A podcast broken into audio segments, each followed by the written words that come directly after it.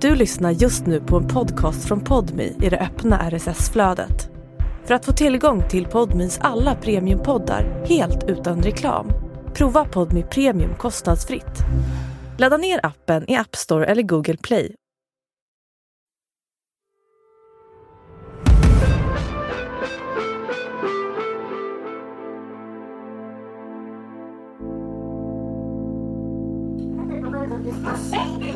Hej!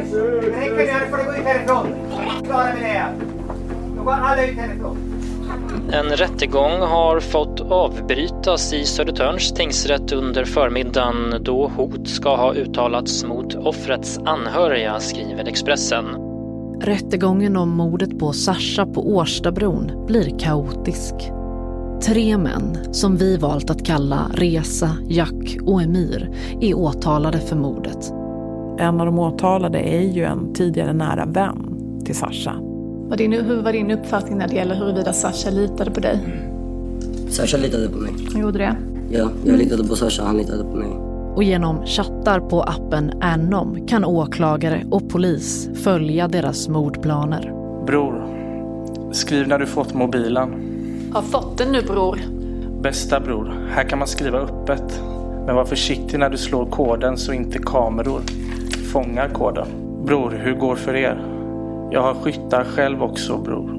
Det går bra. Det kommer hända om några dagar. Och när en av försvararna lägger fram bevis som pekar mot en annan person som anstiftare, som ska ha beställt mordet, kastas hela rättegången om. Vi drog då slutsatsen att det är två olika personer. En som är vår klient, som är i Göteborg. Och någon annan som skriver att den är i Norrköping. Och sen har vi då den dagen som egentligen väl skakar om eh, i princip alla som är där. Du lyssnar på Podmi Dokumentär om mordet på Årstabron. En serie i tre delar. Jag heter Linnea Hjortstam. Det här är tredje och sista delen.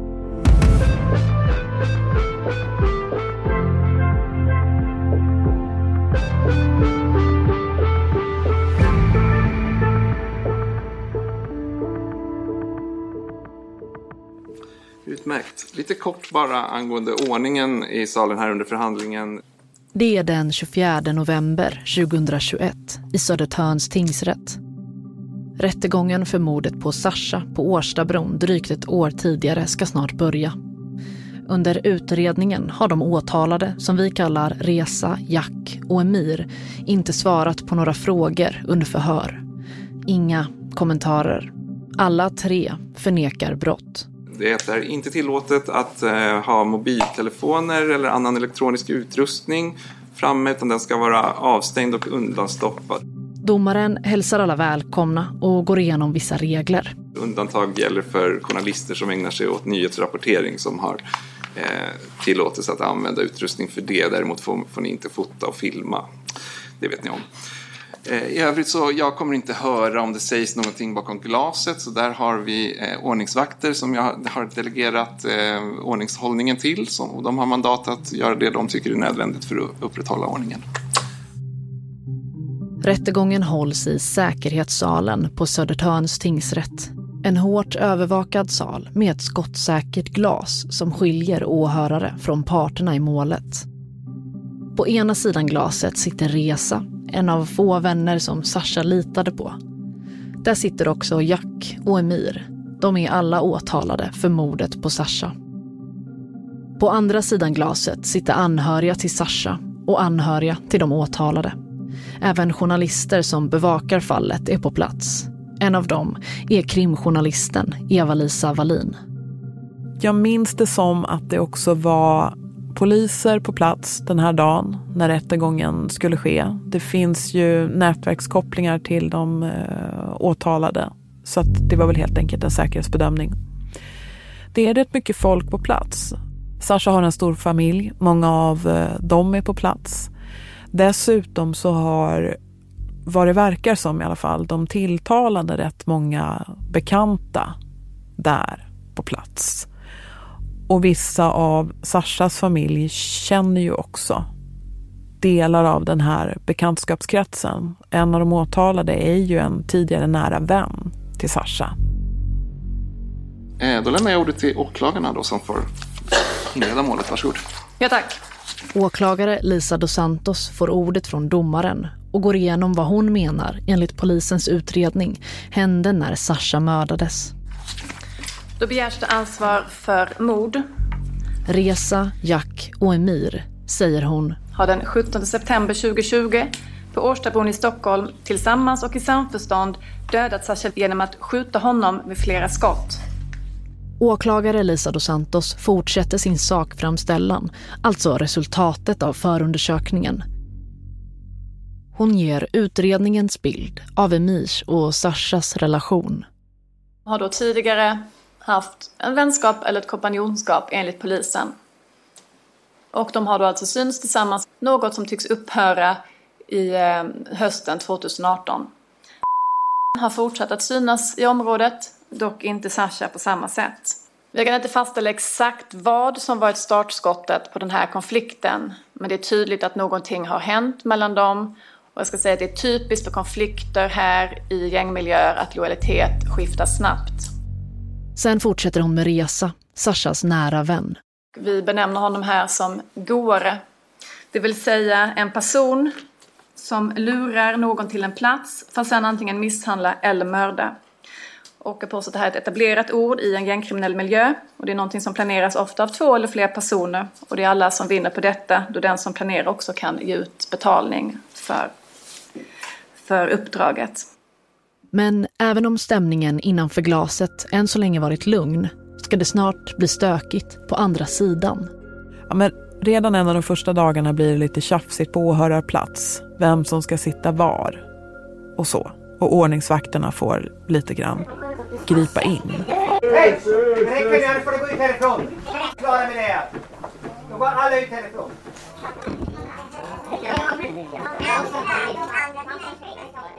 Men det ska bli betydligt värre än bara lite tjafs.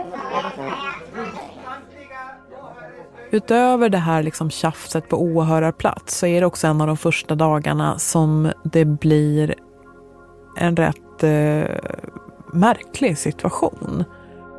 Det här tjafset som journalisten Eva-Lisa Wallin beskriver ska ha fortsatt utanför rättssalen efter att några var tvungna att lämna salen. Då ska hot ha uttalats mot en person som ska ha varit på väg för att lyssna på rättegången. Men exakt vad som händer vet man inte helt säkert. Det uppstår en misstanke om förberedelse till mord mot en av de anhöriga som är på väg till den här rättegången. Rättegång har fått avbrytas i Södertörns tingsrätt under förmiddagen eftersom hot ska ha uttalats mot offrets anhöriga. Åtta personer är det som har frihetsberövats misstänkta för mordförsök. Både bråket och den misstänkta förberedelsen till mord kommer sätta sin prägel på resterande rättegångsdagar. Ja, men det här bidrar ju till att det blir en lite märklig stämning kring den här rättegången. De åtta personerna som greps utanför tingsrätten släpps ungefär ett dygn senare. Men det är inte sista gången som det ska bli stökigt under den här mordrättegången. Till en början fortsätter rättegången som tänkt. Åklagarna går igenom bevisen som består av muntliga förhör, larmsamtal, övervakningsfilmer och såklart... De här chattarna då från den 17 augusti. Anom-chattarna som svensk polis får tillgång till genom FBIs internationella insats Operation Trojan Shield. De är åklagarens starkaste bevisning som visar i detalj hur planerna ser ut och rättegången om mordet på Sasha är en av de första rättegångarna i Sverige. A lot can happen in the next three years. Like a chatbot maybe your new best friend.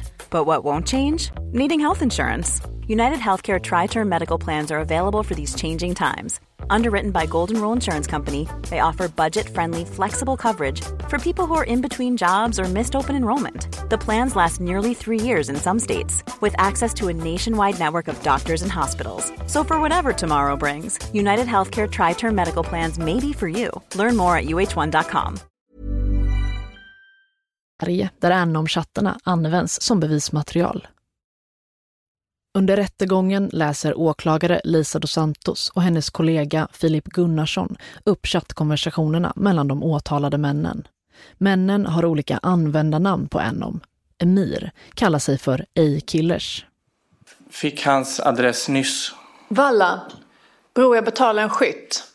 I chattarna blir det också tydligt att det finns en fjärde person. En 25-årig man som polisen inte har kunnat komma åt och åtala. Han, som polisen misstänker, flydde landet efter mordet. Han är vid den här tiden internationellt efterlyst och häktad i sin utevaro. 25-åringen misstänks vara en av dem som också ligger bakom planeringen av mordet. Den här mannen verkar chatta med Emir, den åtalade mordbeställaren på Anom. Ska jag styra? I augusti skriver Emir. Jag fixar stället snabbt av styr. Det måste ske fort bror. Ah, bästa. Enligt åklagaren handlar chattarna om kartläggning av Sasha, planering och förberedelse av mordet. Emir och 25-åringen fortsätter att chatta. Lisa dos Santos kollega Filip Gunnarsson läser Emirs chattar. Om han inte blir lös inom tio dagar, jag släcker han. Bror, det måste ske snart. Han är mycket fara för er. Han vet allt, era rutiner bror.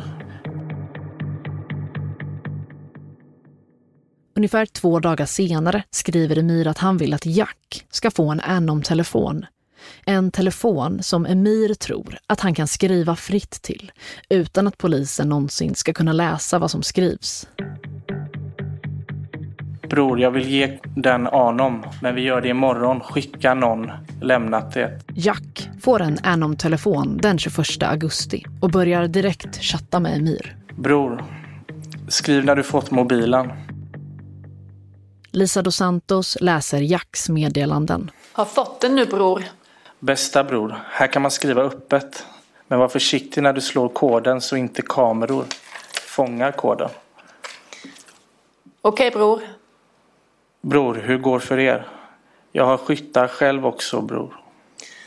Det går bra. Det kommer hända om några dagar. Jack och Emir börjar planera mordet på Sasha. Vi behöver en som kör och en araba. Araba är slang för bil. Behöver ni någonting? Bil eller båge? Bil bror.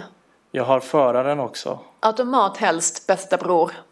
Bror, jag har förare och skytt också. Som redo att slå till vart som helst om det är inne gallerian. Öppet framför folk i stan. Vart som helst. Förutom en bil, helst automat, chattar Emir och Jack om att de behöver ett vapen. Finns en Smith Wesson 9 mm. Ah, revolver. Fett. Revolver 38 Magnum. Vi kan ta den. Okej okay, bror. Lämna inga hylsor. Jag löser imorgon. Mycket bra. Dunder bror. Och bror, de aldrig spåra än idag har de inte kunnat lösa ministermordet. För det användes revolver på Olof Palme. Bästa broder. En dag i slutet av augusti skriver Jack att han är med Sasha. Är med han nu. Vi ska äta. Han litar på oss. Jag och var med han i stan. Han litar på oss. Inte ens väst. Väst tyder på en skottsäker väst enligt utredningen. Jack skickar även en bild i Anom. På bilden syns en man bakifrån som enligt utredningen ska vara Sasha. Men Jack avvaktar med att skjuta. Varför han inte skjuter framgår inte av chattarna. Mordplanerna fortsätter in i september. I chattarna kallas Sasha för svensken. Vi ska göra det på fredag bror. Svenskan. Okej bror, bästa. Jag har löst vissa grejer till er. Bror ska fixa bilen, min broder. Fixa fredag. Ska belöna er riktigt bra, min bror. Okej broder, det blir fredag eller lördag. Den 5 september chattar Emir och mannen som också misstänks planera mordet men som polisen ännu inte kommit åt. De skriver att de redan hade tänkt genomföra mordet vid det här laget men de har inte löst en automatväxlad bil. Ingen vill köra manuell, vilket är den enda typ av bil som de lyckats lösa. Bror, alltså måste fucking bil så de kan göra attack. Igår de hittade igen manuell bil och de kan inte köra manuellt. Bilen beskrivs som viktig för att kunna utföra mordet och kunna komma undan efter det. Det här är alltså ungefär en och en halv vecka innan Sasha sen skjuts på Årstabron den 17 september 2020. Den 7 september skriver Jack. Bror, det blev väl inte av. De var för öppet. Det var ingen bil eller något. Men vi ska träffa han senare idag. Då vi behöver bil. Kunde du fixa bror? Håller på bror, jag håller på bror. Är i Gbg nu. Emir svarar att han befinner sig i Göteborg. Planerna förhalas. Ingen kan fixa en bil. Emir skriver. Bror, finns inget annat sätt än det med bilen. Bror, vilket sätt som helst. Kan skicka en unge, skjuta helt öppet. Bror, vi fixar ett sätt, men bil skulle göra det mycket enklare. Ja, bror, vet, men börjar bli akut, bror. Snälla, försök kom på något smart. Ja, äh, bror, ska komma på något. Men vi hade haft han för några dagar sedan om vi hade haft bil. Ja, bror, vet, blir arg, sagt till alla, gå ut, göra GTA. Ja, bror, men vi ska försöka fixa han idag. Men det blir tusen gånger enklare om vi har bil. För om vi är i stan med han och han ska hem, vi kan åka hem till han. Den 14 september, bara några dagar innan Sasha mördas, skriver Jack, den nu misstänkte skytten. Vi skulle träffa svensken igår och göra det, men han var upptagen. Men idag vi ska försöka träffa han. Och Emir, den åtalade mordbeställaren, börjar bli desperat. Han vill att Jack ska få resa att säga var Sasha bor. Bror, snälla kolla med Ger han hundra lax bara han säger var Sasha bor. Vi ska öppna hans dörr, gå in med kallar. Jag är så arg. Dagarna som följer innan mordet på Sasha skriver Jack till Emir att han har testat vapnet och att han ska skjuta Sasha så fort han ser honom. Emir skriver flera gånger att han är angelägen om att Sasha ska bort. Han skriver “Snälla bror, se till att det blir gjort idag”. Men han skriver inte varför. Och natten till den 17 september skjuts Sasha. Samma natt skriver Jack till Emir att han är klar och att nu svensk är borta med tre hjärtan. Emir svarar du är bäst, min älskade bror. De fortsätter att chatta, men Emir skriver att han inte vågar skriva mer här. Men vad varken Jack eller Emir vet då är att polisens underrättelsetjänst kommer kunna läsa om mordplanerna bara några veckor senare. Och nu sitter Emir, Reza och Jack med varsin försvarare bredvid sig i Södertörns tingsrätt. Så som jag minns Årstabron så var ju det ett av de ärendena när man kanske tänker att Ted Esplund, polis vid underrättelseenheten på den nationella operativa avdelningen NOA, som jobbade med insatsen Trojan Shield och Anom. Hade vi kommit med i den här insatsen eh, tre veckor innan, då kanske vi hade kunnat eh, förhindra det här. Så kommer det alltid vara. Oavsett när man sätter startpunkt så kan man alltid titta i backspegeln och hitta saker som har skett två veckor innan, tre veckor innan. Så, så att det är ju ingenting egentligen då som, som man kan göra någonting åt. Varsågod. Jag, skulle, ja, jag behöver en sladd och sen så behövde jag ta några saker eh, innan jag sätter på presentationen. Det är rättegångens tredje dag. Det är försvarsadvokaternas tur att hålla sakframställan innan förhören kan börja.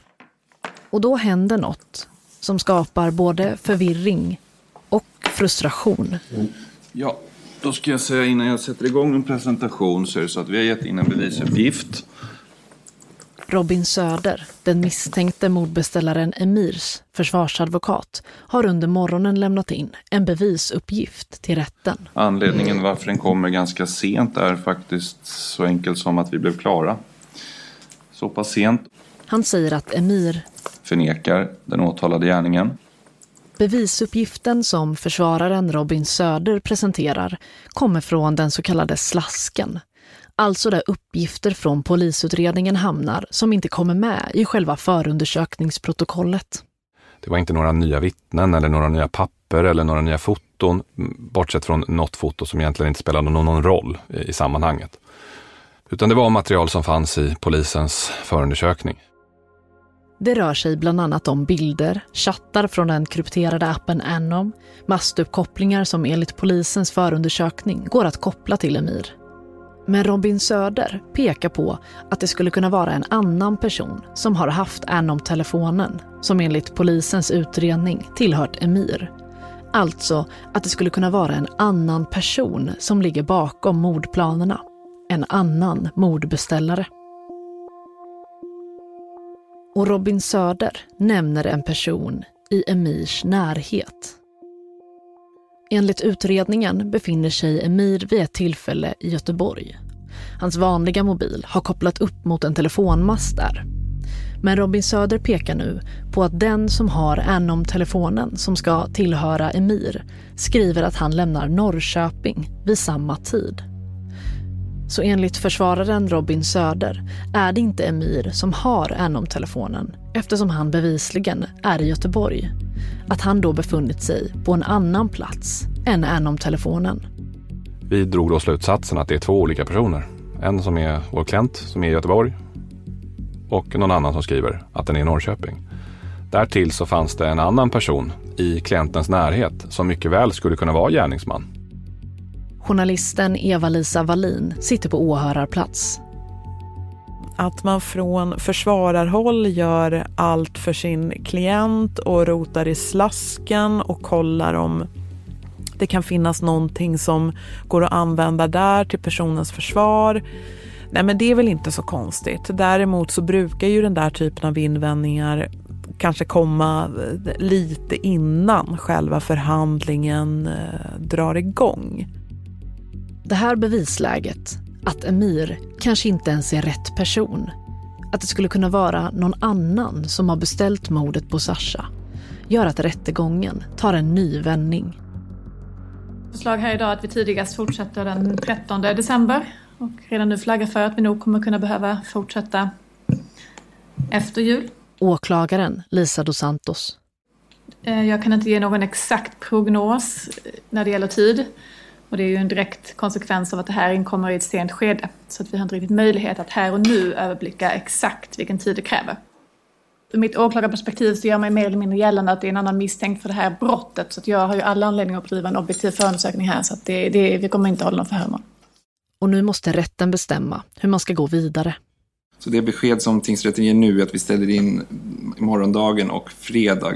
Det är det beskedet vi ger i nuläget och sen får vi göra en ny bedömning. Mm får ett besked från dig imorgon. Mm. Nu kan det alltså handla om en ny gärningsman. En ny mordbeställare. Förhören med Reza, Jack och Emir ställs in. Även de två kommande rättegångsdagarna. Eftersom den här, den namn som man gjorde gällande inte hade varit misstänkt i utredningen så hade vi ju inga uppkopplingar på honom. Vi har ju de personer som är misstänkta. Lisa dos Santos ska nu få några dagar på sig att bestämma sig om utredningen måste återupptas. Ja, men det är klart att det påverkar målet. Det blir ett uppehåll. Åklagare Lisa dos Santos och utredande polis bestämmer sig för att kontrollera alla chattkonversationerna igen. Utredningen tas upp på nytt. Eh, med fast i hand så skulle vi såklart från början gjort en ännu tajtare eh, analys av chattarna så eh, gick vi igenom alla chattarna en gång till. Eh, det skapar en oro och en eh, osäkerhet, såklart. Krimjournalisten Eva-Lisa Wallin igen. Har man nu hittat någonting som kommer att göra att den här personen som man från anhörighåll var rätt övertygad om låg bakom det här, kommer den personen gå fri nu?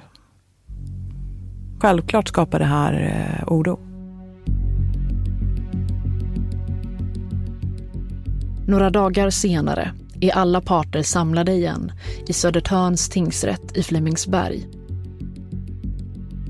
Beviset Robin Söder la fram om en alternativ gärningsperson kastade om rättegången. Och nu sitter alla och väntar på vad åklagarna har kommit fram till under de dagar som rättegången sattes på paus.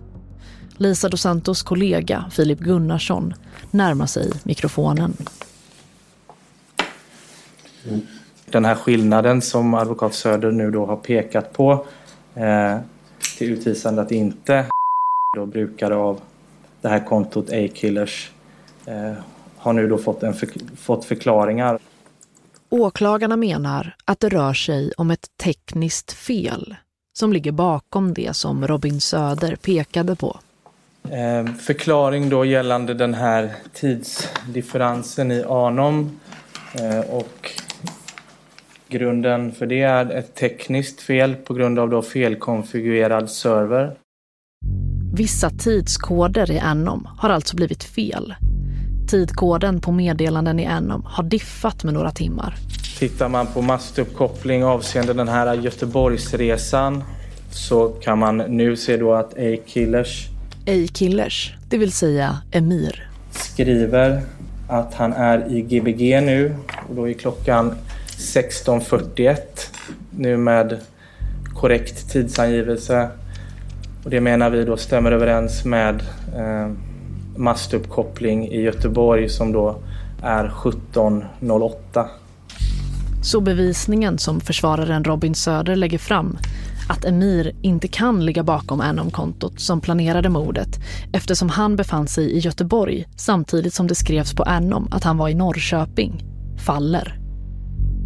Nu pekar det mesta återigen på att det är Emir som ligger bakom planeringen av mordet på Sasha. Och så kunde vi presentera en, en ännu tajt analys av chattarna och göra gällande att det, det fortfarande var så att det var den vi hade åtalade som gick in på chattarna. Så, då ska vi fortsätta eh, förhandlingen med förhör med de tilltalade då. Och vem ska vi börja med? Resa, vännen som Sasha litade på, förhörs av åklagare Elisa dos Santos. Han börjar med att berätta om sin och Sashas relation och vad hans plan var den 17 september då Sasha mördas. Han och jag vi skrev till varandra hela tiden när vi inte var med varandra. När vi var med varandra så skrev vi inte någonting men annars så skrev vi med varandra hela tiden. Under utredningen har Resa inte sagt något. Men nu, under rättegången, är tystnaden som bortblåst. När förhören väl börjar så har Resa mycket att säga. Eh, när jag fyllde år, eh, redan innan min födelsedag, eh, hade vi bestämt att vi skulle träffas och vara med varandra. Jag hade samtidigt också bestämt att jag skulle träffa andra personer, vara med andra personer. Så jag försökte liksom att jag skulle dela upp det på ett sånt sätt, för jag vet att när vi skulle träffas skulle vi vara med varandra fram till att ja, vi skulle gå hem och sova liksom. Eh, så jag sa till Sasha liksom att jag skulle vara med min familj och så, just för att ja, det skulle låta bra liksom. Jag ville inte säga till han vem eller vilka jag skulle träffa liksom. Eh, så umgicks jag med några vänner hela tiden och mitt sällskap det förändrades hela tiden. Folk kom och folk gick. Eh, senare mot kvällen så gick jag och käkade i Skanstull på en sån här bufférestaurang. Men allt vill han inte svara på. Vissa frågor är känsligare än vad de först verkar. Var någonstans brukade ni umgås? Ingen kommentar. I Årsta? Ingen kommentar. Varför vill du inte kommentera det? Grejen är att jag är väldigt mån om min integritet. Jag vill inte att vem som helst ska veta vart jag är, vad jag gör för någonting. Stämningen i salen är spänd. Sashas familj har ju sagt att, att för Sashas del så var ni bästa vänner. Jag fick höra det också. Mm. Men var du Sashas bästa vän? Det vet jag inte. Det kan inte jag svara på. Men var Sasha en av dina bästa vänner? Sasha var en nära vän till mig. Var din, hur var din uppfattning när det gäller huruvida Sasha litade på dig? Sasha litade på mig. Han gjorde det? Ja, jag litade på Sasha, han litade på mig. Mm. Jag har sovit under samma tak ett flertal gånger under 2020. Enligt Resa ska han själv, Sasha och en tredje person, en vän som Resa inte vill nämna vid namn, ha gått över bron. Det ska ha blivit bråkigt mellan Sasha och den tredje vännen. Och sen ska skott ha avlossats och Resa säger att han springer bort från Sasha men vänder sen tillbaka för att kolla hur det gick med honom. Han är död och då kollar jag runt. Jag ser att det är ingen där. Jag är ensam där med han. Och jag får bara upp ett. Jag måste bort härifrån. Varför då? Det kan jag inte svara på. Jag hade panik. Men grejen hade jag varit... Din kompis som du beskrivit som en nära vän. Ja. Den andra personen har uppenbarligen försvunnit därifrån. Vad är det som gör att inte du också kan stanna kvar hos Sasha? Som sagt, jag fick panik. Jag försöker förstå den paniken. Varför lämnar man en kompis som ligger och blöder och är skjuten? Jag fick ingen respons från han. Jag fick bara, jag, jag fick bara, jag fick bara panik. Jag, hade, jag, hade jag kunnat göra om, jag hade kanske kunnat göra. Jag hade gjort på ett annat sätt. Det hade jag. Jag hade gjort på ett annat sätt om jag kunde göra om. Men där och då jag hade, där och då jag hade panik. Jag hade panik där och då. Mm. Tänkte du att på något sätt larma ambulans så att han åtminstone kunde få en chans till att överleva om någon till exempel kom och gjorde hjärt-lungräddning? Ta honom till sjukhus? Som sagt, det var, in, det var, ingen tanke, det var ingen tanke jag hade. Där och då var det ingen tanke jag hade.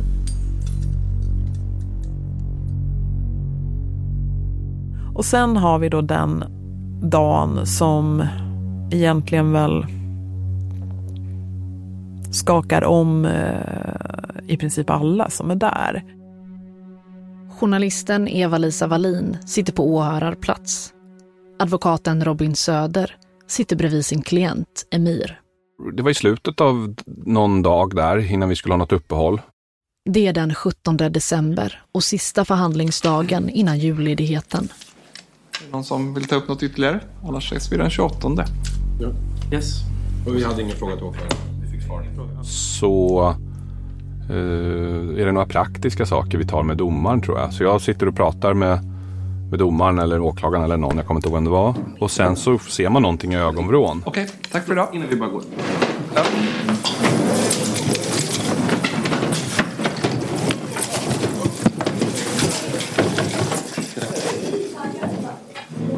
En av de tilltalade, den som är Sashas vän, flyger på. En av de andra åtalade, den som är utpekad som anstiftaren eller beställaren av mordet. Resa flyger på Emir, mitt framför ögonen på domare, åklagare, försvarsadvokater och anhöriga. Det här går jättesnabbt. Kriminalvården är rätt snabba på att fånga upp honom eh, och trycka ner honom på golvet, sätta handfängsel på honom och föra ut honom. Men det märks att både folk på åhörarplats men också inne i salen blir rätt skärrade av det här. Eh, det är också en av advokaterna som får sig någon liten, något litet slag på en hand och sådär. Inget allvarligt, men, men ändå att en, en av dem flyger på den andra. Jag, jag vet inte faktiskt varför, varför det blev som det blev. Emirs försvarare, Robin Söder, igen. Just våld och så, det, det är man väldigt ovan vid. Så att jag tror det, det som händer är att alla blir ganska tysta. Efter händelsen får Resa sitta i ett annat rum och vara med via länk. Och enligt Robin Söder reagerade inte Emir särskilt mycket på attacken från Resa. Ja, han, han höll sig väldigt lugn. Han satt kvar. Eh, sa inte så mycket. Och sen så sa vi, går det, gick det bra? Då sa han, det gick bra. Sen sa vi, vi syns på måndag. Syns på måndag. Inget mer. Rättegången pågår i mer än en månads tid. Under åklagare Lisa dos Santos slutplädering, hennes slutgiltiga ord i målet, säger hon att Emir går in på makthavaren. Han har styrt över andra människor. Han har minimerat risker för att e för egen del befatta sig med själva skjutningen. Och Jack är uppdragstagaren med sikte att klättra i hierarkin. Han utför dödsskjutningar mot betalning han var vid gärningen 20 år gammal och därför blir det ett straffmätningsvärde för hans del om 14 års fängelse. Och resa. Goaren, vännen till mordoffret. Han har varit helt nödvändig för gärningens utförande. Han har stått för att lura en vän rakt in i döden. Hon menar att offret har lurats, man har utnyttjat hans tillit som en del av planen. Och gärningen är extremt straffvärd och inget annat straffvärde än livstid kan komma i fråga. Samtliga tilltalade har varit nödvändiga för gärningens genomförande och samtligas inblandning motsvarar ett straffvärde om livstids fängelse.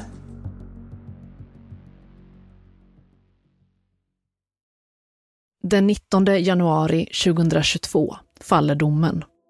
Tre män dömdes på onsdagen i Södertörns tingsrätt för mordet på Årstabron hösten 2020. Resa och Emir får livstidsfängelse. Jack får 14 år eftersom han var under 21 när mordet begicks. Domen fastställs senare i hovrätten som skriver att mordet på Sasha är i karaktär av avrättning att bevisningen är så stark att det är ställt bortom rimligt tvivel att Resa medverkat i gärningen och att det mesta talar för att det var Jack som avlossade skotten mot Sasha. Det är ju ett eh, gott resultat såklart att tre personer ändå har blivit dömda för ett sånt här brutalt brott. Att mörda någon mitt ibland oss, släcka ett ungt liv och så hänsynslöst. Eh, sen är det ju tyvärr så att eh, de här domarna också många gånger gör att våldsspiraler där ute fortsätter. Det är inte det att våldet i, i den här kontexten har upphört. Och det är ju såklart beklagligt.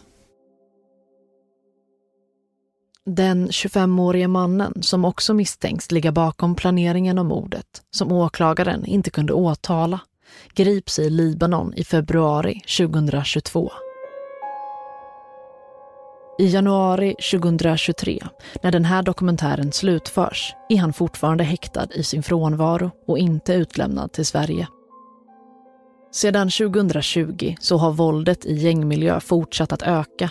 Nya strider och konflikter har blossat upp.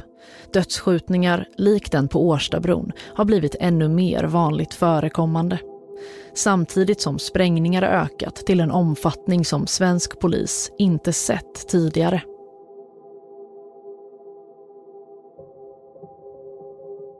För några av personerna som arbetat med och följt det här fallet så är det framförallt Resas och Sashas relation som de fastnar vid när de tänker tillbaka på det som hände Sasha på Årstabron. Men det blev, som jag, som jag minns det, så blev det ju väldigt tydligt. Exakt, om man ska lura någon för att fira födelsedag, just det här eh, cyniska, att man försöker hitta de här som det tänkta offret har förtroende för och man lurar dem liksom i fällor att deras kompisar tar dem till rätt plats vid rätt tidpunkt.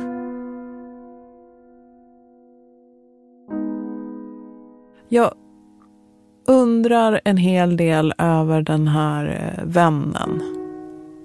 Hur det kom sig att han gjorde det han gjorde. Det vill säga locka ut Sasha den här kvällen. Ut på den här bron.